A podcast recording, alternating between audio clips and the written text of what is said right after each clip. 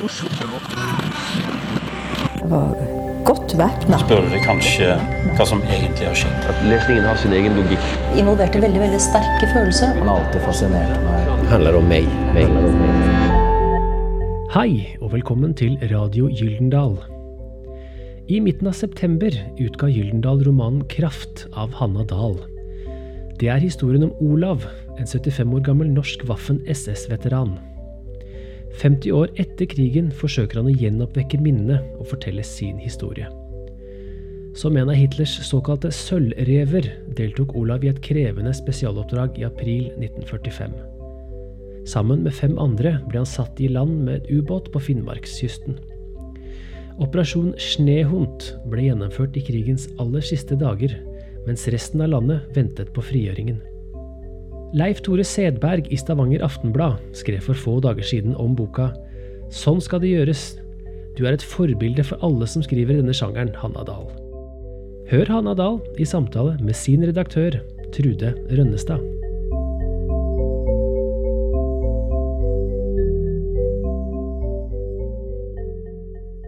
Hanna Dahl, velkommen til Radio Ilendal.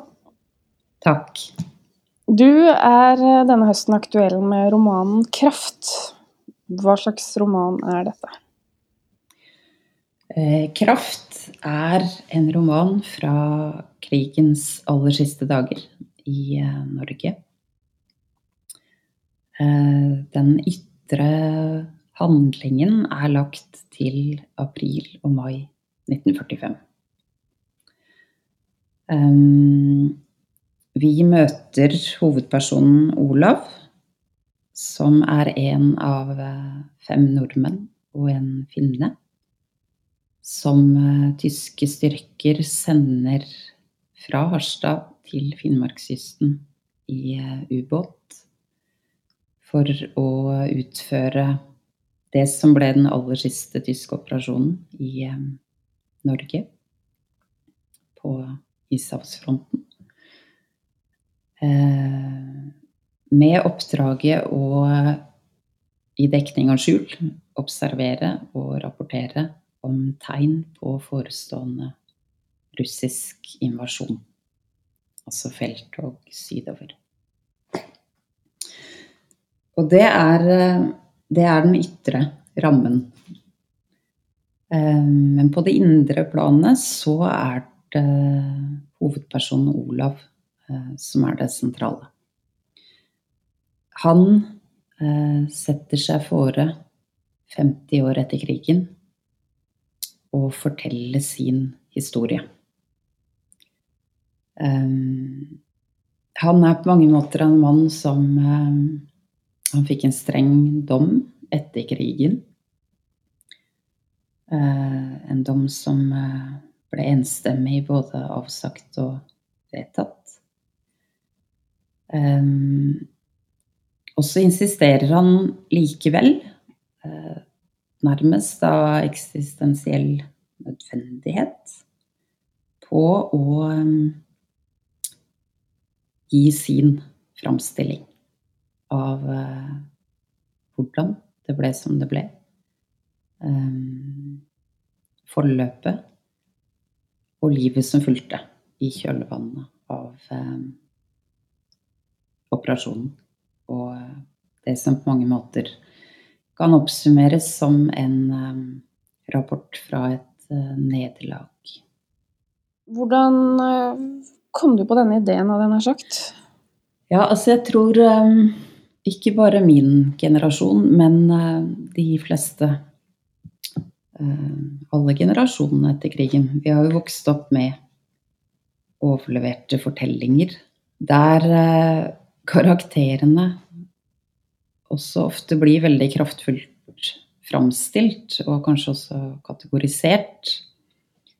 Eh, der vi også, med tanke på vår nasjonale identitet og, og for ulike familiers del, eh, har et behov for å forme framstillingen. Både av de heltemodige og de eh, mer brutale eh, bødlene.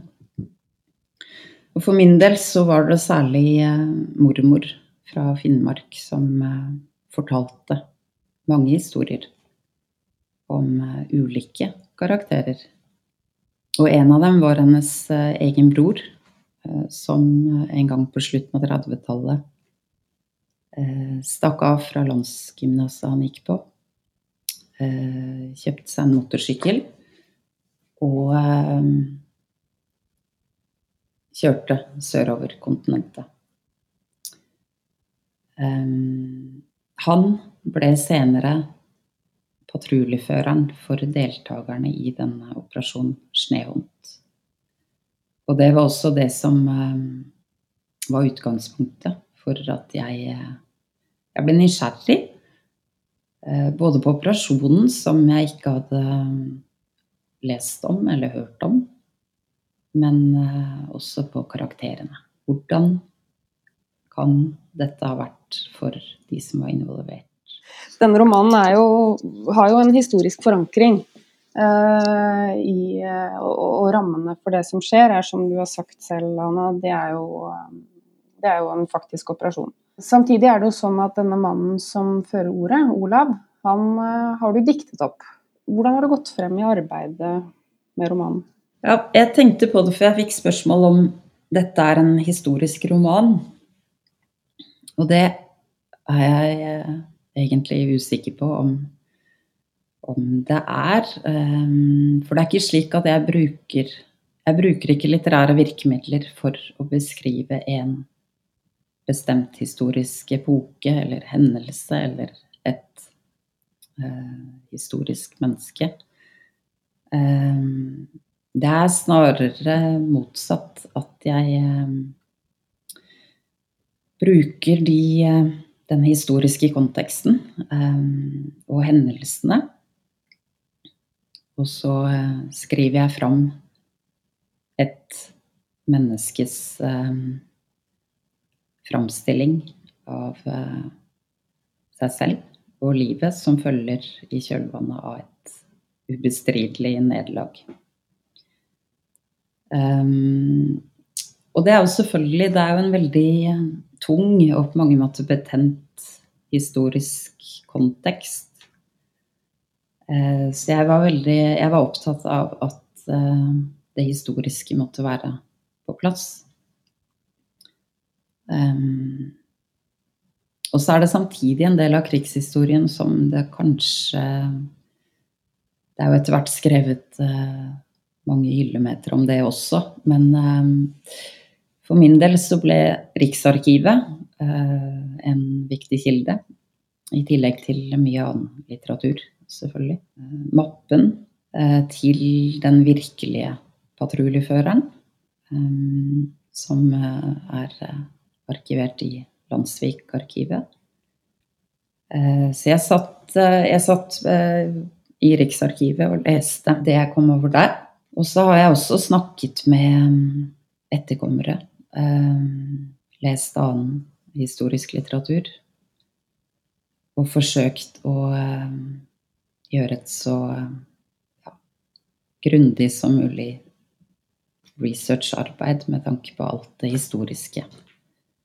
Um, men karakterene, de, um, de er uh, diktning. Uh, og den informasjonen som foreligger i uh, Riksarkivet er jo også veldig um, Det er mer informativt om forløp, og det er avhørsrapporter, og det er, er uh, Det var viktig også for å få det litt dag til dag. Uh, hvordan foregikk det egentlig? Um, men det var lite å finne i mappene om de ulike deltakernes skal si, psykologi eller ja. Eh, det er selvfølgelig enkelte uttalelser som kan eh, indikere mm. hvem de var. Men eh, det var på mange måter ikke det sentrale for meg, hvem disse var. Men det var det å skrive fram det mennesket som har levd med denne historien i etterkant og som samtidig kjenner forløpet bedre enn eh, de fleste historikere, slik det framsto der og da. Jeg tenker det er jo øh, Det er jo et utrolig dristig prosjekt, Hanna. Jeg tenker øh, Du skriver i jeg-person om en Mm. mann som er ganske gammel. Det har gått ca. 50 år siden krigen. Og han øh, var både patruljefører, men også tidligere frontkjemper. Eh, Hva er det som har gjort at du allikevel har gitt deg i kast med det? Et såpass halsbrekkende prosjekt, vil jo mange kunne si. Altså hvis man bare hadde hørt om det. Ja. Hørt om ideen. Ja. Ehm, nei, altså jeg um, tenker jo at uh, Det er litt som jeg sa innledningsvis, at uh, framstillingene her er um, Og overleveringene er ofte veldig preget av hvilken side man var på, selvfølgelig. Og det er en betent kontekst. ehm, og det er viktig for meg å si at det er Premisset her er veldig klart. Ehm, Det er en domfelt landssviker som eh, jeg gir ordet. Ehm, Og samtidig så var noe av det som eh, trigget meg, var å likevel gi denne karakteren talerett. Ehm, og eh, jeg tror det er viktig at vi også våger å eh, høre på en slik stemme, som kanskje unndrar seg litt de eh, kategoriene vi har behov for å plassere deltakerne og de som um, var med da det skjedde i. og så er det selvfølgelig en em, vi møter en karakter som strever med dette selv. Eh, han er eh, en på mange måter skamfull mann. Eh, og han Vi er usikre på i hvilken grad han har en tilstrekkelig selvinnsikt. I hvilken grad han forsto hva han var med på i hvilken grad han eh, fornekter eller fordreier eller forherliger. Og selv forsøker han å tilstrebe etterrettelighet, og samtidig lete etter spor av menneskelighet. Um, og det tror jeg er ehm,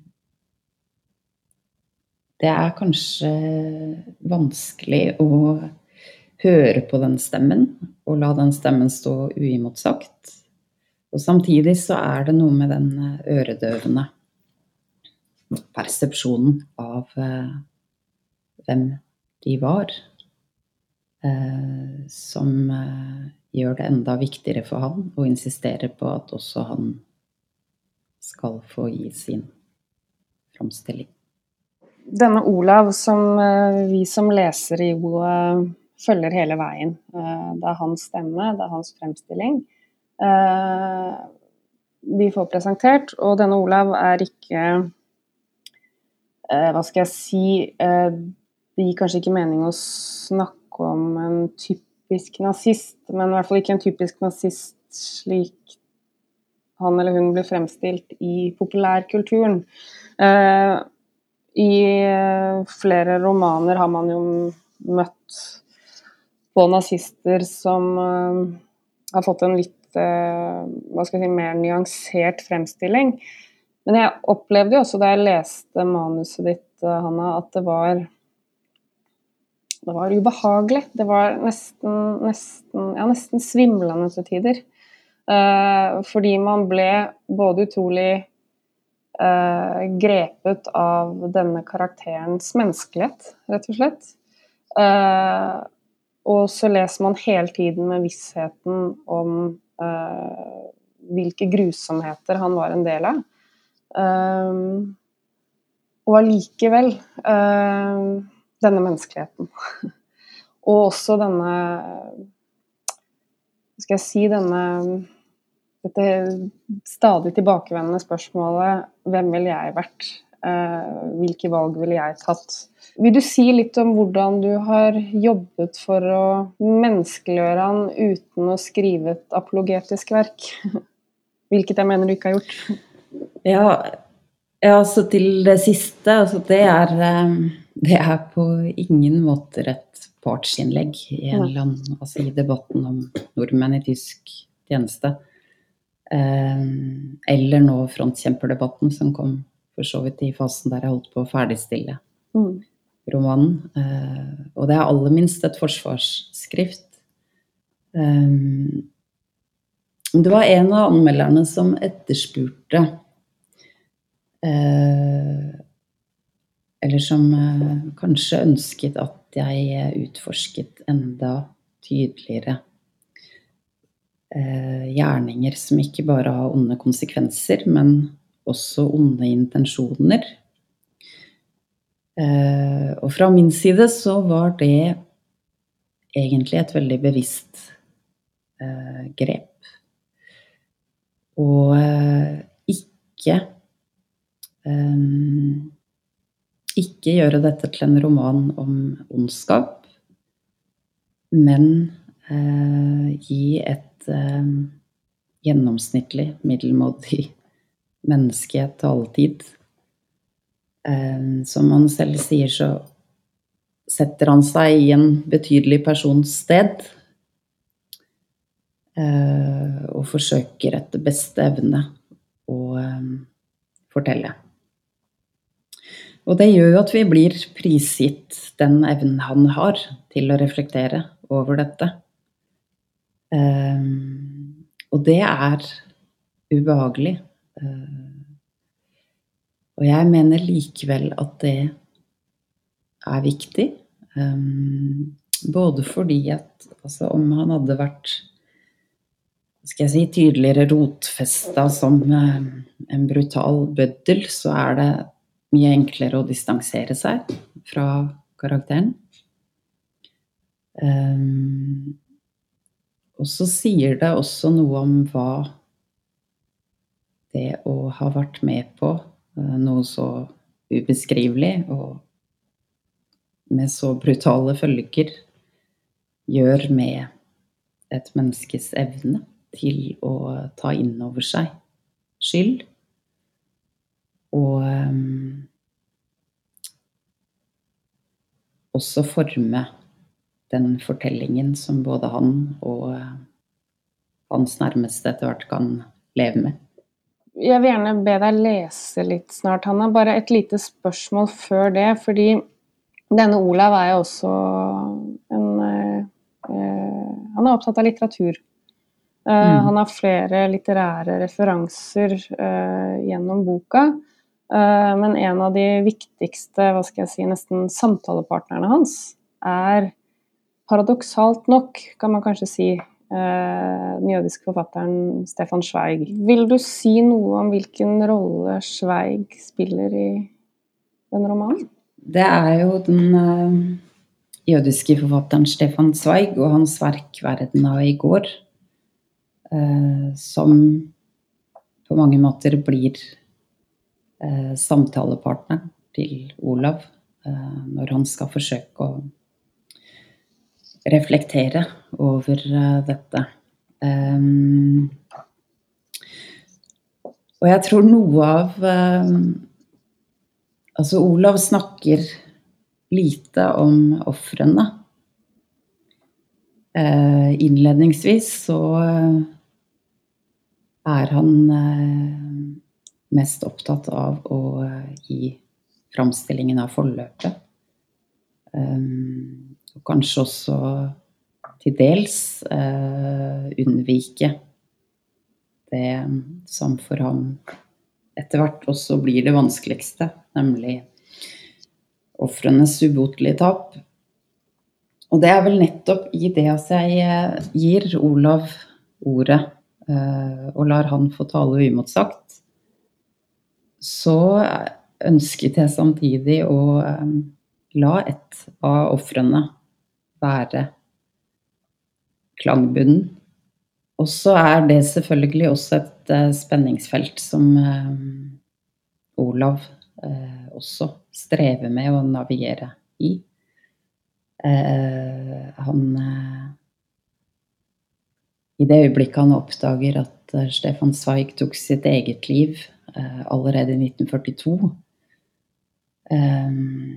blir han litt sånn rysta og føler seg nesten sviktet av samtalepartneren, eh, som jo i og for seg er også eh, ganske Nesten litt sånn grotesk når man tenker på at han var ett av alle ofrene for det han eh, Dette brutale maskineriet han var en del av.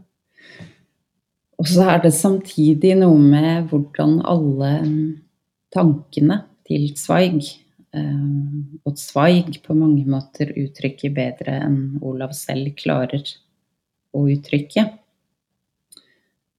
Som gjør han til en uh, samtalepartner som han uh, tar med seg. Uh, så han blir jo på mange måter også ofrenes stemme i romanen. Og det samme med motstands mann Petter Moen. Mm. Som dukker opp mot slutten av romanen. Ja. Mm. Uh, jeg lurer på om du kan lese litt uh, for oss, Hanna, fra ja. romanen? På den tiden hadde jeg det jeg må kalle det ekstraordinære talentet for håp. Jeg er ikke desillusjonert nå, jeg har bare ikke håpet i meg på samme måte. Håpet var ikke en vilje, det var en friskhet. Men alt dette her er leppelyder. Det er drønnende malm og klingende Hvordan var det? Bjeller. Det har ingen verdi, og med det mener jeg ingen mening i seg selv. Bjelleklang. Som lyden av offiseren som tok imot oss på Nyborgmoen da det hele var over. En bjelleku av et menneske. Han sto og trippet etter å melde at de hadde fakket de tyske spionene. En nedrig type Alt han sa i avhøret, ble sagt i en prekentone. Da sikter jeg både til ham og det som veltet ut av ham. Alt var i utropsform, kun avbrutt av intime effektpauser og lavmælte fortrolighetsovergrep. Når effekten så uteble, kom den oppbyggelige bjeffingen. Han bjeffet ilsk og rastløst, groteske lyder fra en mann som mistet grepet om sine undersåtter. Det er noe lottevekkende ved folk som mister grepet om sine undersåtter. Jeg var på feil side av en krig, på feil side av polarsirkelen. Det gikk mot fortapelse for fulle mugger og på bånn speed. Men som det enkeltmennesket jeg er, var livslysten en spent streng i meg. Opplevelsene mine er ikke helt ubetydelige, det må sies. Etter det jeg forstår, deltok jeg i den aller siste tyske operasjonen på ishavsfronten. I det minste i Festung Norwegen.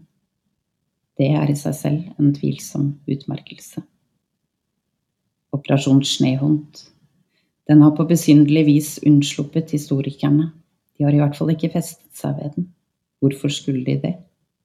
En unødvendig operasjon som krevde en betydelig kraft. Begge deler sørgelig betegnende. En oppskremt nysgjerrighet, det var det jeg kjente. Åndelig opphisselse. I ettertid høres det vel spotten ut, men det var mitt ståsted. På sitt vis er det fortsatt mitt ståsted, eller min tilstand. Min sjel lever like mye som andre sjeler. Det gir mening, og jeg frykter som regel mening, for det gir håp. Men så bryter det uregjerlige håpet likevel sammen i meg, det er også som et uryddig ras. Eller kanskje det bryter løs. Det har i hvert fall en merkelig kraft. Og det er ord som sprenger seg fram, for gjerninger har jeg mer eller mindre sluttet med. Tusen takk, Hanna. Jeg lurer på avslutningsvis om eh, Jeg syns det hadde vært interessant å snakke litt om uh, mottagelsen du har fått. Uh, for du har jo fått til dels strålende kritikker nå senest for et par dager siden en eh, panegyrisk anmeldelse simpelthen i Stavanger Aftenblad. Eh, men du har også fått noen ganske kritiske lesninger, bl.a. av Bernhard Ellefsen i Morgenbladet. Har mottagelsen vært overraskende for deg? Eller har du gjort deg noen tanker om den, nå når det har gått litt tid? Um, ja, altså jeg tror jeg først bare må si jeg syns det er eh, Det er jo utrolig interessante lesninger. Så lenge det er eh, godt tenkt og godt skrevet, så syns jeg det i seg selv er utrolig stimulerende eh, med litteraturkritikk. Både av egen bok og andres bøker hvordan det åpner kan åpne verket da, for leseren. Um, jeg um, Altså, jeg forstår at det kan være um, en problematisk stemme å forholde seg til. og jeg tenker jo at uh, dette likevel er en stemme vi eh, bør våge å lytte til. Og så håper jeg at eh, det på den ene siden eh, vekker leserens nysgjerrighet til å gjøre sine egne refleksjoner.